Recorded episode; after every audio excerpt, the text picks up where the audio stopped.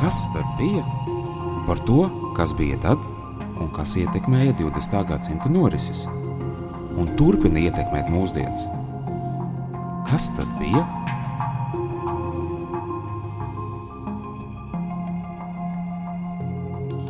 Labdien, radio un abu klausītāji un skatītāji! Mani sauc Ulris Neiburgs, esmu vēsturnieks, Latvijas Universitātes Latvijas Vēstures institūta pētnieks. Un šodien mēs runāsim par tādu jautājumu, kā, kāpēc Latvijas centrālajai padomē un ģenerāļu kureļu grupai 1944. gadā neizdevās atjaunot Latvijas neatkarību. Jūs, Latvieši, esat maza tauta. Jūsu vēsturiskais liktenis ir būt pie Vācijas. Pirms kara Latvija bija valsts. Tāpat kā Lietuva un Igaunija. Pēc tam jūs okupējat Krieviju. Bolševiku zvērības esat aizmirsuši? Nē, Pūkešs kungs. Mēs atbrīvojam jūs no Krievu okupācijas. Jums tika dota iespēja piedalīties jaunās Eiropas celtniecībā, bet jūs, jūs murgojat par kaut kādu neatkarību. Tātad 1943. gada 13. augustā Rīgā, kā mēs to zinām, slepeni tiek izveidota pretošanās kustības organizācija Latvijas centrālā padome, ko veido Latviešu politisko partiju pārstāvji ar tās priekšsēdi profesoru Konstantīnu Čaksti priekšgalā. Par viņu vietnieku ievēl sociāldemokrātu Bruno Kalniņu, bet par Latvijas centrālās padomu ģenerālsekretāru sūtni Ludvigu Sēju. Latvijas centrālā padome ir interesanti ar to, ka atšķirībā no citām latviešu pretošanās kustības organizācijām, tajā, tās paplašinātajā prezidijā ietilpst likumīgais pēdējais saimnes priekšsēdis dr. Pauls Kalniņš, Un Latvijas centrālā padome, balstoties uz 1922. gada satversmi, uh, uzskata, ka uh, šī satversme ir spēkā, ka neatkarīga un demokrātiska Latvija turpina pastāvēt. Uh, Latvijas centrālā padome pat pretendē uz varas augstāko pārstāvniecību iepratim Latvijas diplomātiem rietumos. Un LCP tātad uzskata savās politiskās deklarācijās ar 1944. gada 17. marta memorandā, kas vairāk plašāk pazīstams varbūt sabiedrībā, ka tā tad ir jāatjauno Latvijas faktiskā suverenitāte, balstoties tieši uz 1922. gada satvērsmi. Ja vēl ja mēs runājam par Latvijas centrālā padomi, mums jāpiemina vairāk cilvēki, kuriem arī ir diezgan liela nozīme šīs organizācijas izveidošanā. Viens no tiem ir aktīvs LCP, sakarnieks Leonīts Siliņš, žurnālists, kurš jau 1943. gada 22. jūlijā dodas nelegāli pāri Baltijas jūrai uz Zviedriju, cenšoties vēl pirms oficiālas LCP izveidošanas nodibināt sakarus ar tātad, ārzemju pārstāvjiem. Otrs cilvēks vai persona, kuram ir liela nozīme Latvijas centrālās padomas izveidošanā, ir bijušais Latvijas sūtnis Stokholmā Valdemārs Salnēs, kurš nelegāli arī jau 43. gada vasarā sūta dažādas ziņas, vēstules uz nacistu okupēto Latviju un mudina latviešu politiķiem izveidot kādu politisku centru, kas varētu tātad, deklarēt Latvijas tautas vārdā, Latvijas tautas gribu, ka tā ir noskaņot pret padomju, pret nacistu okupāciju un vēlas tātad nevis dzīvot jaunā Eiropā, vai arī nevis sagaida savu atbrīvošanu no padomu savienības puses, bet iestājas par neatkarīgu un demokrātisku Latvijas valsti.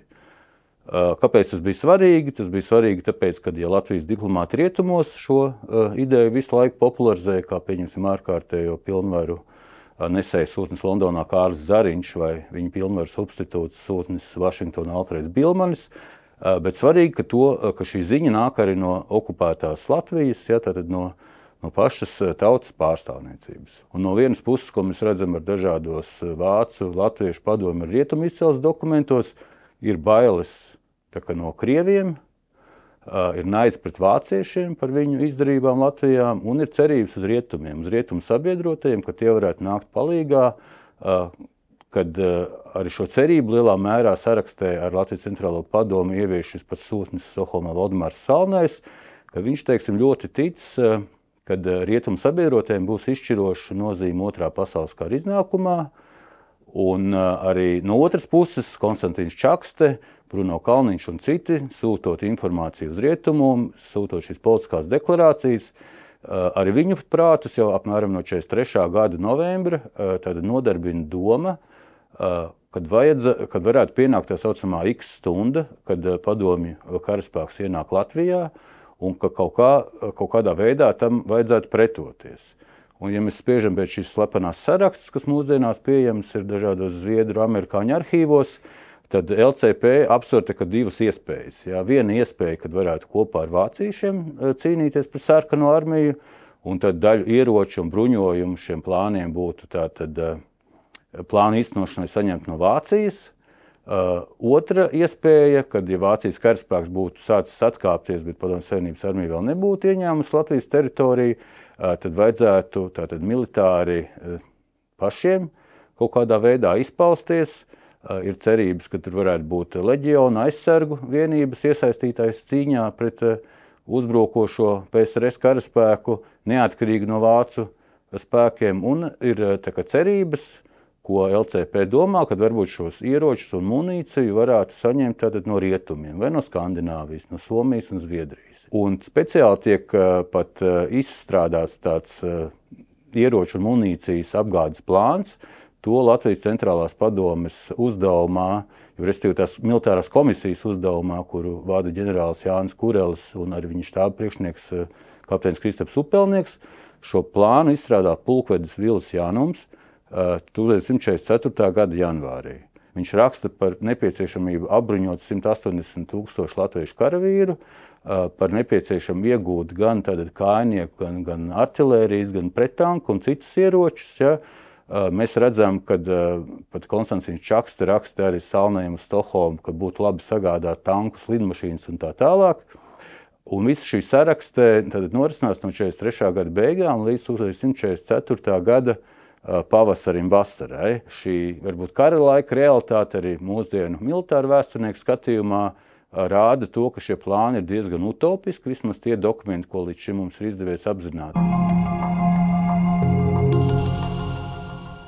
Pateicoties Latvijas okupācijas muzeja videokrātuvei, mēs varam noskatīties un noklausīties video liecības, fragmentus, ko ir sniegusi Valentīna Lasmane, Latvijas centrālās padomas sakarniece, šīs Vēnspils sakaru grupas dalībniece, kura stāsta, kā viņa 1944. gada pavasarī, vasarā, rudenī ir gan sākusi tātad, iesaistījusies nelegālajā Latvijas centrālās padomas darbā, gan arī kā darbojusies kurzemē. Mēs zinām, viņa bija iesaistīta nelegālo telegramu šifrēšanā, kas tika ar radio tātad, uztvērējiem noraidīts starp kurzemi tātad, un Zviedriju. Tāpat arī bēgļu laivas, kas kursēja tātad, starp kurzemes piekrasti nelegāli uz Gotlandi un, un atpakaļ, vai nu, kur, no kuras puses mēs skatāmies. Arī ar šīm bēgļu laivām tika nosūtītas ziņas, bieži vien šifrētas. 43. gadā, kad jau nu, bija tā LCP radusies, un, un, un kad Leonīts nu, drusku man informēja, ka nu, tā ir. Un tas man likās ne, ārkārtīgi nozīmīgi, jo mēs visu laiku gaidījām kaut ko, kaut kur, kur būtu vai ne kaut kāda esence, vai ne, no kā kaut kas varētu rasties, vai ne, un tā, un nu tagad ir bijušās saimas cilvēki, vai ne, tā tad, nu, nu, nu, nu profesionāļi, vai ne, un tā, un tie kaut ko, vai ne, dara, tā kā tā.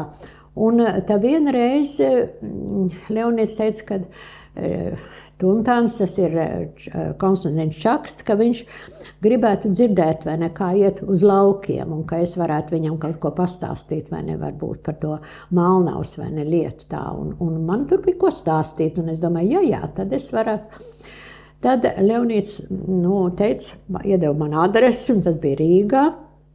Un te un es aizgāju uz to vai ne dzīvokli, tur bija jābrauc, jākāp pa trepēm augšā un piezvanīju, un iznāca pretī viena dāma, un tūlīt man ieved koridorā, un tad bija durvis pa labi, un bija Konstantīna tāds neliels, kā, ko sauc par kabinetu, Konstantīns sēdēja pie savu rakstām galda, un mēs sasveicinājāmies, viņš lika man sēdēt sev pretī, un, un stāstīja, vai ne par, nu, prasīja, vai ne, nu, kā tam pļaviņās kāds noskaņojums, un tad mēs vēl tur parunājām, vai ne šo un to.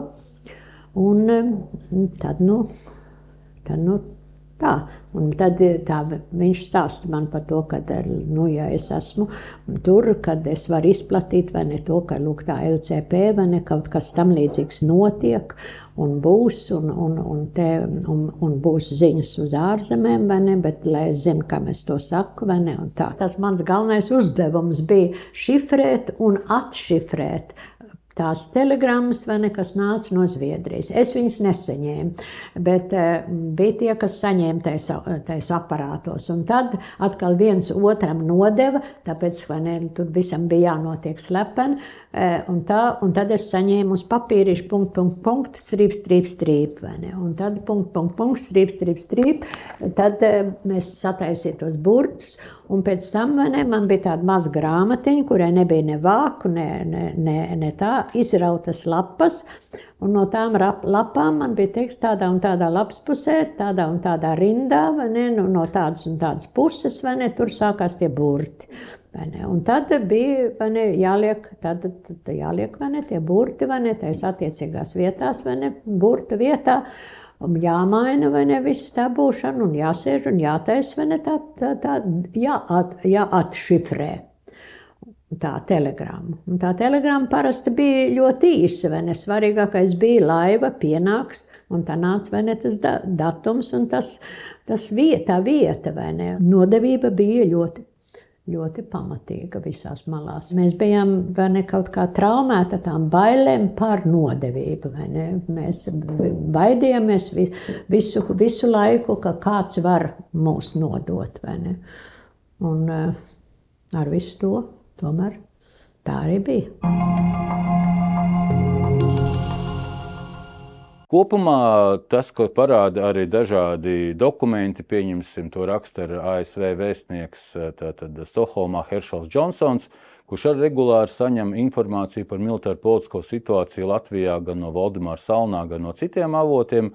Viņa vērtējumā, jā, ka tobrīd, 44. gada vasarā, latvieši ir tādi naivi vai bērnišķīgi savā ticībā, kad, piemēram, pielietojot Atlantijas hartā deklarētos tautu pašnoteikšanās principus, ka viņi varētu kaut kādā fantastiskā veidā tātad, atgūt savu neatkarību. Ja? Bet tas, ka tādi plāni un tādas aktivitātes ir bijušas, to apstiprina gan amerikāņu, gan britu dažādi dokumenti. Ja? To apstiprina arī Latvijas centrālās padomas loceklis sociāldemokrāts Fēliks Cielēns, kurš jau tad ir bēgļu laivu devies pāri uz Zviedriju, kur viņš raksta, ka 44. gada vasarā ir notikuši priekšdarbi provincē, lai lai teiksim, varētu kaut kādā veidā pārņemt varu vai, vai kaut kādā veidā proklamēt Latvijas valdību. Bet tas, kas to lielā mērā izjauc un kas rada haosu vai tādu apjukumu gan Vācu okupācijas varas, gan, gan latviešu pašpārvaldes civilistu un arī nu, citu cilvēku vidū, ir tas, ka sarkanā armija 1944. gada vasarā tātad, uzsāka ofensīvu rietumu virzienā no Baltkrievijas, no Lietuvas puses arī tātad ienāk Latvijas teritorijā. Un, piemēram, no dienvidiem ir pēkšņs trieciens, ka 1944. gada jūlijā sarkanajā armijā izdodas sasniegt Rīgas jūras līdzi pie Tukuma. Un, principā, līdz 20. augustam, tas ir trīs nedēļas, pāraut tātad vācu karaspēka sakars pa sauszemi. Ja, ir nošķelta šī kurzemes daļa, un pārējie vācu, karas, vācu spēki tad Rīgā, nu, Vidzemē, Igaunijā un tā tālāk. Un tas ir iemesls, kas, kas arī neļauj īstenot kaut kādas veida sacelšanos vai kaut kādas citu veidu darbības. Ja? Tas, ka tas neizdodas šajā laikā, tad tas ar to vēlāk ar saprot arī Sūtnes Salnais Stokholmā, uh, To saprot ar Latvijas centrālā padome, kura pie tam piedzīvo to, ka tās vadītāji gan profesors Konstants Čakste, gan arī Bruno Kalniņš un Ludvigs Sēja tiek 44. gada pavasarī, vasarā apcietināti, nonāk ieslodzījumā gan centrālā cietumā, gan Salaspils nometnē, gan Štuthofas koncentrācijas nometnē. Un pamatā pēc tam, kad šo, šo sauszemes sakars izdodas ar Rīgu atjaunot, uh, pamatā visas cerības, kas vēl tā kā paliek, kas varētu kaut kā rīkoties vai darboties šajā virzienā, ir uz ģenerāļa kureļu grupu, kas tiek izveidota 1144. gada 28. jūlijā Vidzemē Skrīveru pagastā. Ģenerālis Kurelis un viņa štāba priekšnieks, kapteinis Upelnieks ir Latvijas centrālās padomas militārās komisijas locekļi. Viņu plāns ir sagaidīt tā saucamo X stundu, kad Vācijas karaspēks būtu sācis atstāt, bet PSRS armija vēl nebūtu ieņēmusi Latvijas teritoriju. Sākotnēji šajā situācijā, kad ir PSRS armijas iebrukums līdz Rīgas jūras līcim 44. gada jūlijā un kad veidojas ar kurelieši, Protams, nekas tāds nav iespējams, bet vēlāk, kad sakari pa sauszemi ar Rīgu tiek atjaunoti, ģenerāļa kureļa grupa tātad evakuējas uz kurzemi. Tas ir 1947. gada septembrī, kur nonāk Strasdas mūžā, vēlāk Pūzes pagastā. Ja sākotnēji kureliešu skaits varbūt ir kaut kādi 500, 600 vīri un tikpat vīru rezervē vidzemē, tad kurzemē to rindas sasniedz jau vairāk kā 3500 cilvēku. Kureliešos piesakās gan vietējie iedzīvotāji, nacionāli noskaņoti, gan arī leģionāri, kas ir dezertējuši no savām vienībām, kas nevēlas pārcelties uz Vāciju. Bet kureļu grupā saskata gan iespēju varbūt pārdzīvot šo karu vai, vai sagaidīt kara beigas veiksmīgāk, gan arī, protams, viņi ir nacionāli noskaņoti liela daļa un vēlas cīnīties par, par Latvijas neatkarību. Kureļu grupa tas, ko dara, ir arī uztur sakars ar Latvijas centrālo padomi, un tas viņu plāns tajā brīdī ir tāds, ka varbūt arī jāieņem placdarms kaut kur pie Ventspils, jeb jūras krastā starp Ventspilu un Liepāju, jāmēģina noturēt tas kādas, kādu ilgstošāku laiku, vai vismaz kādu dienu, divas, un jāproklamē šī Latvijas neatkarība. Tāpat otrs, ko viņiem piedāvā arī LCP pārstāvis Zviedrijā, ka tomēr vajag evakuēties uz Zviedriju, kad īsti šī militārā palīdzība nav iespējama. Un, principā, šī ģenerāļa kureļa grupas štāba virsnieki atrodas tādā neapskaužamā situācijā. Ja? No vienas puses viņi ir gatavi kā, dziedot savas dzīvības kā, par Latvijas brīvību, no otras puses viņi saprot, ka ļoti iespējams tā ticība uz rietumu sabiedroto palīdzību ir diezgan neiespējama, bet viņi arī nevēlas kā, nu, padoties un, un, un kā, nu, pakļauties vāciešiem. Jūs ticat tam, kam jūs gribat ticēt. Negaidiet angļus un zviedrus. Neticiet sapņiem. Šeit jūs nevarat palikt. Man liekas, pateikt, ka mēs jūs varam pārcelt uz Zviedriju, visu štābu, lai pēc tam atgrieztos, kad būs pienācis īstais brīdis. Mēs nekur nebrauksim. Nē. Pamest savu dzimteni posta brīdī, tā ir nodevība. Tāpat kā leģionāriem likt braukt uz Vāciju, kad virsū nāk Krievi. Mums drīz būs jauna Latvijas armija. Jēkabs solījās ierasties. Viņš solīja brīvu un neatkarīgu Latviju un, un visu Baltiju. Un Hitlers arī izdevīgā brīdī parakstīs dekrētu. Man lika nodot, steidzam uz Zviedriju, kamēr vēl var. Kā šis konflikts tātad atrisinās? Tas konflikts atrisinās tā, ka 14. novembrī tātad Puzas pagasta stiklos, jeb Anahitē, Vācu SS un policijas spēki aplēns kureliešu štābu, un tur blakus esošās vienības astoņus kureļa grupas štāba virsnieks un tehniskos darbinieks nošāva Liepājas karostā, tad 44. gada 19.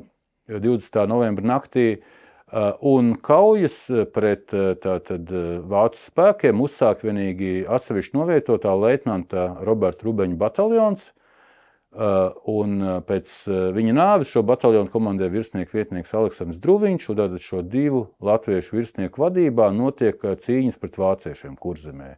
Tātad no 1944. gada 18. novembra līdz 1947. gada 9. decembrim. Tā ir gan reāla, gan tāda simboliska pretošanās, un tas apliecina to, ka nu, mēs esam pretojušies ar ieročiem rokās ne tikai pret padomju okupācijas varu, bet arī pret uh, nacistu okupācijas varu. Bet pamatā, ja mēs par ģenerāļu kureļu grupu runājam saistībā ar viņu šiem mērķiem, ir skaidrs, ka viņi bija patriotiski noskaņoti, viņi vēlējās cīnīties, uh, lai Latvija atgūtu savu neatkarību. Uh, Varbūt eh, daļa šo virsnieku, kā Kristaps Upelnieks, eh, eh, kapteinis Upelnieks, bija varbūt arī tādi. Viņu personība daudz ko nozīmēja, ka viņi bija tādi ļoti pārliecināti, viņi vairāk ticēja tam, ko viņi bija iedomājušies, nekā viņi varbūt saprata to reālo situāciju. Tāpat ģenerālis Kurelis, kurš bija jau lielāks, 65 gadu vecs, kuram arī nebija nekāda frontes pieredze otrā pasaules karā, uh, Varbūt viņi nerīkojās atbilstoši varbūt tā laika militārā izpratnē, kādu mēs būtu varējuši sagaidīt, bet nav noliedzama viņa šī iestāšanās par Latvijas neatkarību, par šo vērtību, kas mums ir svarīga arī šodien. Tad mums ir vēl viens svarīgs dokuments. Mums izdevās tā oriģinālu atrast Zviedrijas valsts arhīvā. Proti, tā ir saimnes priekšsēža Paula Kalniņa deklarācija par Latvijas valsts atjaunošanu. Un es šo dokumentu saucu par tā saucamo nenotikušo neatkarības dienu, jo mēs zinām, ka tas dokuments ir parakstīts LCP vadības pēdējā sēdē Rīgā 1944. gada 8. septembrī. Bet interesanti ir tas, ka uz šī datuma nav paraksts, respektīvi nav datums. Tāpat arī tur ir klāta pavada vēstule vai, vai, vai, vai, vai, vai teiksim, rīkojums par to, ka jāizveido pagaidu valdība ar Mintautu Čakstu priekšgalā. Arī tur izskatās, ka šis ministru prezidenta iespējamā vārds ir ierakstīts vēlāk, jo tur tās mašīna druka mazliet atšķirās. Ja? Un es to skaidroju ar situāciju tādu, ja, kad uh, tā saucamā X stunda, ko gaidīja gan uh, Latvijas centrālā padoma, gan ģenerāļa kureļa grupa, diemžēl nepienāca. Ja? Un tas brīdis, kad mēs varētu izsludināt Latvijas neatkarību publiski, uh, tāds vienkārši nebija iespējams. Ja? Jo frontes kustība bija visu laiku tāda, ja, kad Vācu karaspēks atkāpās, uh, armija grupa Ziemeļa un, un PSRS karaspēks, pirmā, otrā Baltijas fronte vai, Ziemeļa, vai Ļeņģeras fronte visu laiku atradās kustībā, Un nebija nekādas tādas kaut vai nu, uh, dienas garumā, tādas pauzes, kad varētu kaut kā politiski vai militāri savādāk rīkoties. Tas, ka tajā brīdī tas tādi plāni bija, un ka tas varbūt arī uh, nebija tik neiespējami mums liek domāt līdzīgu situāciju, kas notika Igaunijā, jo mēs zinām Tallinā, kur 1944. gada 22. septembrī ieņem sarkanā armija, uh, Tur Igauniem izdodas arī pasludināt Otto Tīfa pagaidu valdību. Viņiem izdodas savā centrā, Tallinas centrā Hermaņa tornī pacelt Igaunijas karogu. Un viņiem izdodas pasludināt arī Somijas presē vai parādījos. Un šī ziņa publiski tiek izplatīta, bet, protams, nekas reāls vairāk nenotiek, jo šis spēku līdzsvars ir pilnīgi nesamērīgs. Šodien jau mēs zinām, kas pēc tam notika. Ja? Bet tajā brīdī, kad cilvēki darbojās 44. gadā, vasarā, rudenī, tad viņi to vēl nezināja. Tie pagrieziena punkti bija, varēja būt dažādi. Bieži vien mēs zinām, kad mēs runājam par 1940. gada Latvijas okupāciju, ja, mēs zinām, ka tīri pēc kaut kādiem militāriem aprēķiniem spēku samērs nav mūsu pusē, bet arī Krievijas un Ukrainas kara eh, gadījumā arī tur eh, Krievijas pārspēks ir daudz lielāks. Ja? Un, un, un šo kara darbības eh, iznākumu, vai, vai īpaši tad, kad vēl nebija nekāds atbalsts no ārpuses un tā tālāk, nenoteica jau šis spēku samērs militāri, bet noteica cilvēku apņemšanās, cīņas motivācija, kas ir ļoti būtiska. Ja? Un, un tas, es domāju, tā ir tāda vērtība, kas ir svarīga arī mums pašiem saprast, ka eh, mums, diemžēl, ir šī pieredze, ka mēs esam bijuši Otrā pasaules karā daudz vairāk spiest cīnīties svešu valstu karaspēkos, tātad Vācijas un PSRS karaspēkos, kā leģionāri un sarkanarmieši. Mums ir arī pieredze par savu pretošanās kustību, šo trešo ceļu, par ģenerāļu kureļu grupu, Latvijas centrālo padomi, kas iestājās par Latvijas neatkarību pret abām okupācijas varām. Un tā, manuprāt, ir vērtība, ko mēs varam paņemt līdzi arī nākotnē. Paldies, radio naba klausītāji, par jūsu uzmanību. Ar jums kopā bija Ulris Neiburgs, Latvijas Universitātes Latvijas Vēstures institūta pētnieks. Klausieties mums arī turpmāk. Raidījumu tapšanu finansiāli atbalsta Kultūras ministrija par saturu atbild Latvijas okupācijas muzeja biedrība.